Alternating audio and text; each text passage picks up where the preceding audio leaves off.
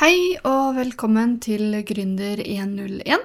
I dag så har jeg tenkt å snakke litt om ulike typer former for markedsføring. I den perioden vi lever i akkurat nå, så er det veldig mange drastiske endringer som holder på å skje. Og ting er litt usikkert akkurat nå, i hvert fall med tanke på at eh, AI, altså eh, artificial intelligence, eller eh, sånn automatiserte prosesser via roboter og programmering, gjør at eh, ting går i Ting går uvanlig fort akkurat nå, eh, og man kan få gjort eh, veldig masse ved hjelp av en robot. Og det her kommer ikke til å endre seg heller. Det kommer bare til å bli mer og mer automatiserte systemer. Og hvorfor snakker jeg egentlig om det? Jo, fordi at det kommer jo også til å skje når det gjelder markedsføring og internett. For er det én ting de som har programmert f.eks.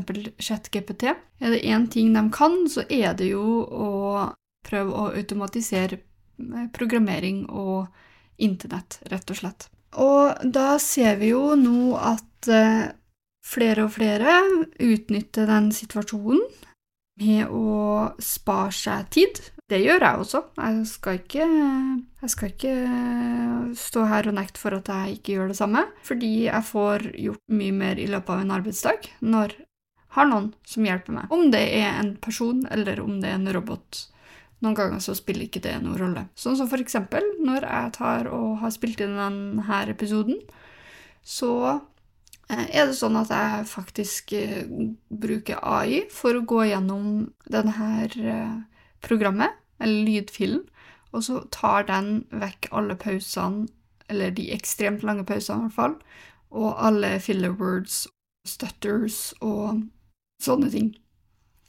Men den gjør ikke det alltid, så jeg må jo selvfølgelig gå gjennom sjøl og etter beste evne prøve å få vekk de tingene jeg syns er litt ekstra dumt, da, hvis jeg haler ut tida, osv.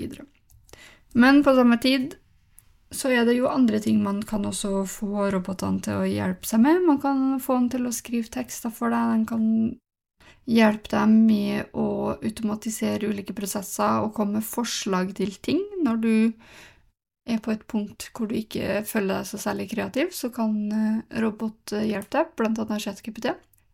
Datamaskinen kan generere bilder for deg og ikoner for deg. Den kan gjøre en analyse for deg hvis du vil. Den, den kan gjøre ekstremt masse. Og etter hvert så er det jo sånn at denne type arbeid da, gjør til at folk foretrekker å bruke roboter eller ChatGPT framfor kanskje å bruke Google noen ganger. Nå skal det jo sies at ChatGPT har jo ikke vært så særlig troverdig. Den har vært sånn 50-50 korrekt og eh, ikke så korrekt. Eh, så man må jo alltid ha et kritisk blikk til hva det er roboten feeder deg med svar og innspill.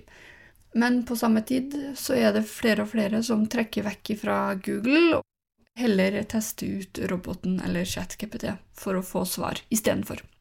Og i hvert fall nå når ChatGPT 4 har kommet, som er en betalt versjon akkurat nå, koster 270 kroner, så er det jo sånn at eh, det er enkelte som foretrekker å betale for den, fordi den er mer troverdig, den er mer sikker, og den kan gjøre mye mer for deg også.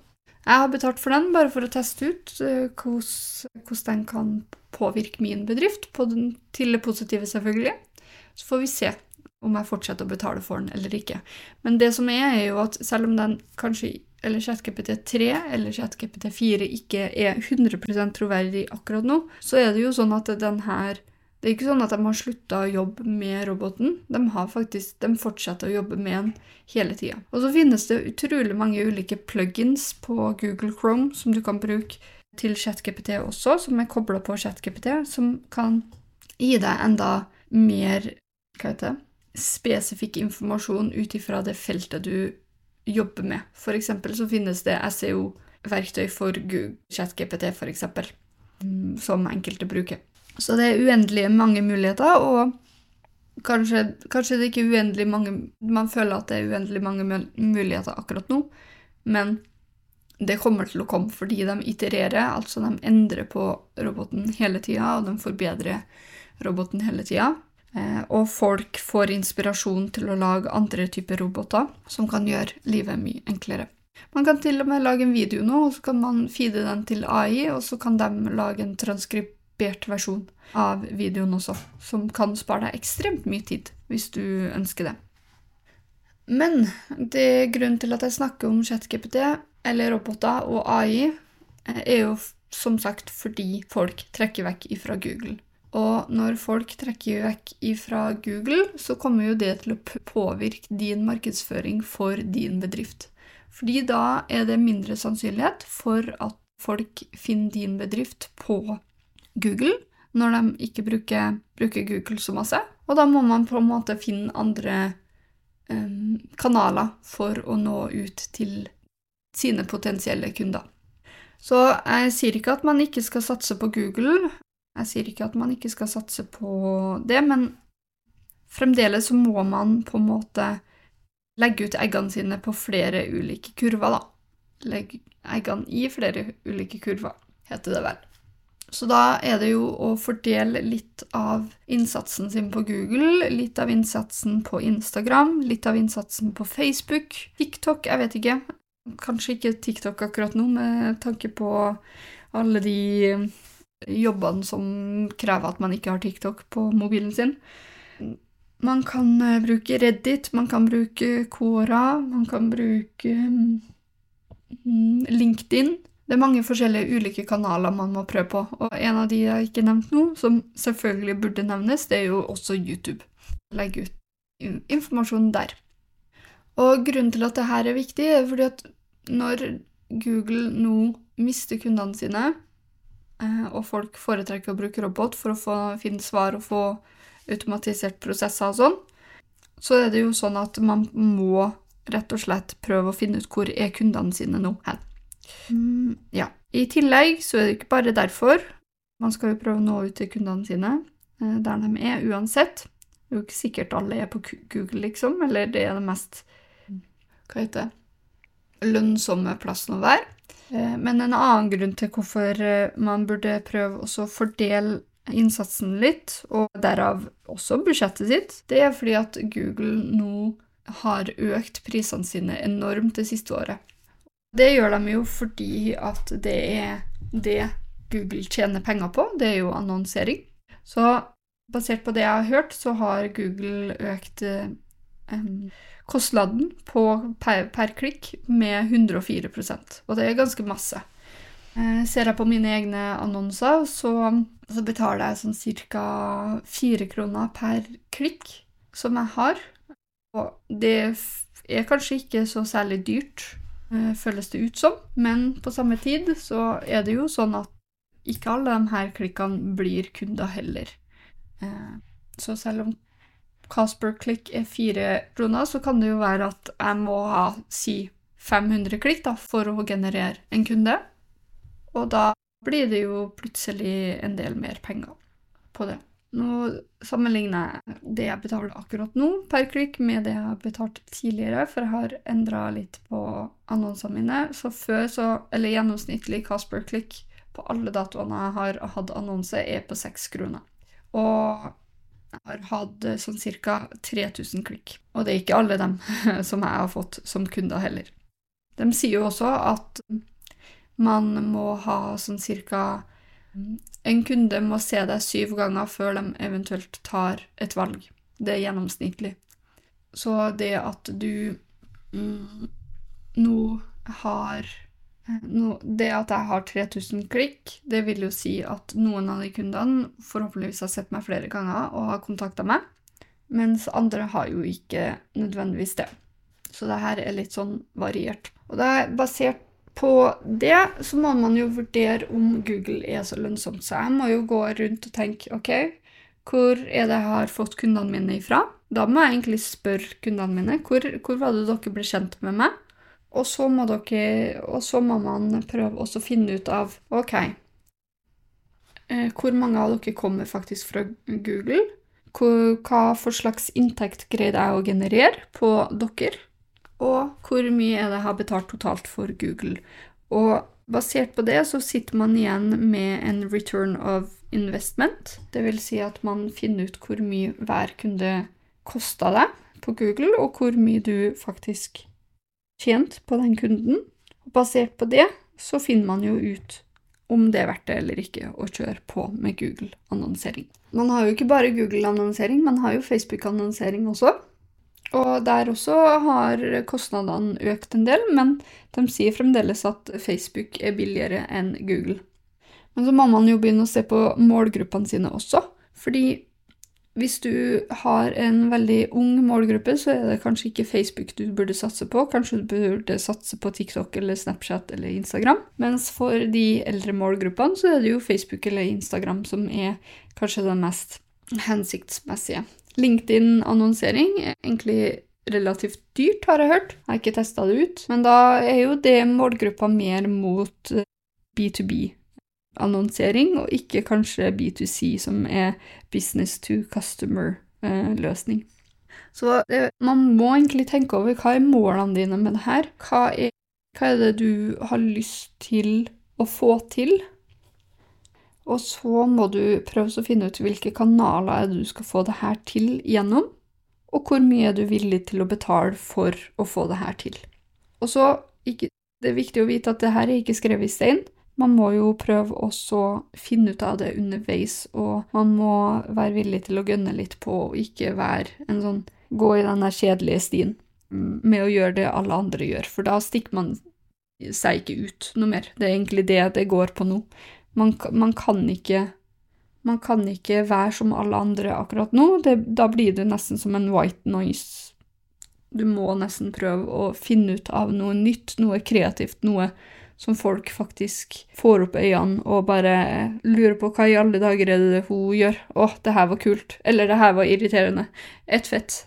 Bare du får interessen til folk, så er det muligheten til å få dem til å konvertere over til å være kundene dine. Så for eksempel da, så, så jeg en bedrift som heter monsternet.no. De tilbyr eh, bredbånd, men de har faktisk De får opp øynene til folk ved å faktisk ha en monster som maskot.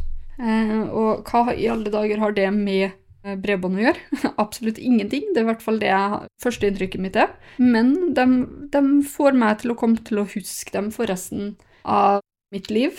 Kanskje en avdrivelse. Eh, kommer, jeg kommer til å huske dem i hvert fall resten av året, kanskje neste år, fordi at de faktisk stakk seg ut, da. Som jeg syns er kult. Så det her handler jo om betalt markedsføring akkurat nå. At man er villig til å betale for kundene sine med cash, eller penger. Men det er jo en annen form for betaling også. Det er det jo tida du bruker på, på å få de her kundene. Og tid hvis du har, eh, ikke har så mye av det, så kan du jo bruke andre folk sin tid. Det vil si å betale for at andre skal bruke tid på det her. Men en form for å få folk sin oppmerksomhet er jo også organisk, ved å skrive innlegg og blogginnlegg og tekster som folk har lyst til å lese. Det er å publisere jevnlig på Instagram og på Facebook og på TikTok eller andre plasser. Og opplyse folk om ting det er tydelig at folk ikke er så særlig interessert i å bli solgt ting på ulike plattformer. Folk gjennomskuer det, men folk vil ha opplysninger. Folk liker å lære noe i løpet av en dag, eller eh, få øynene opp for noe.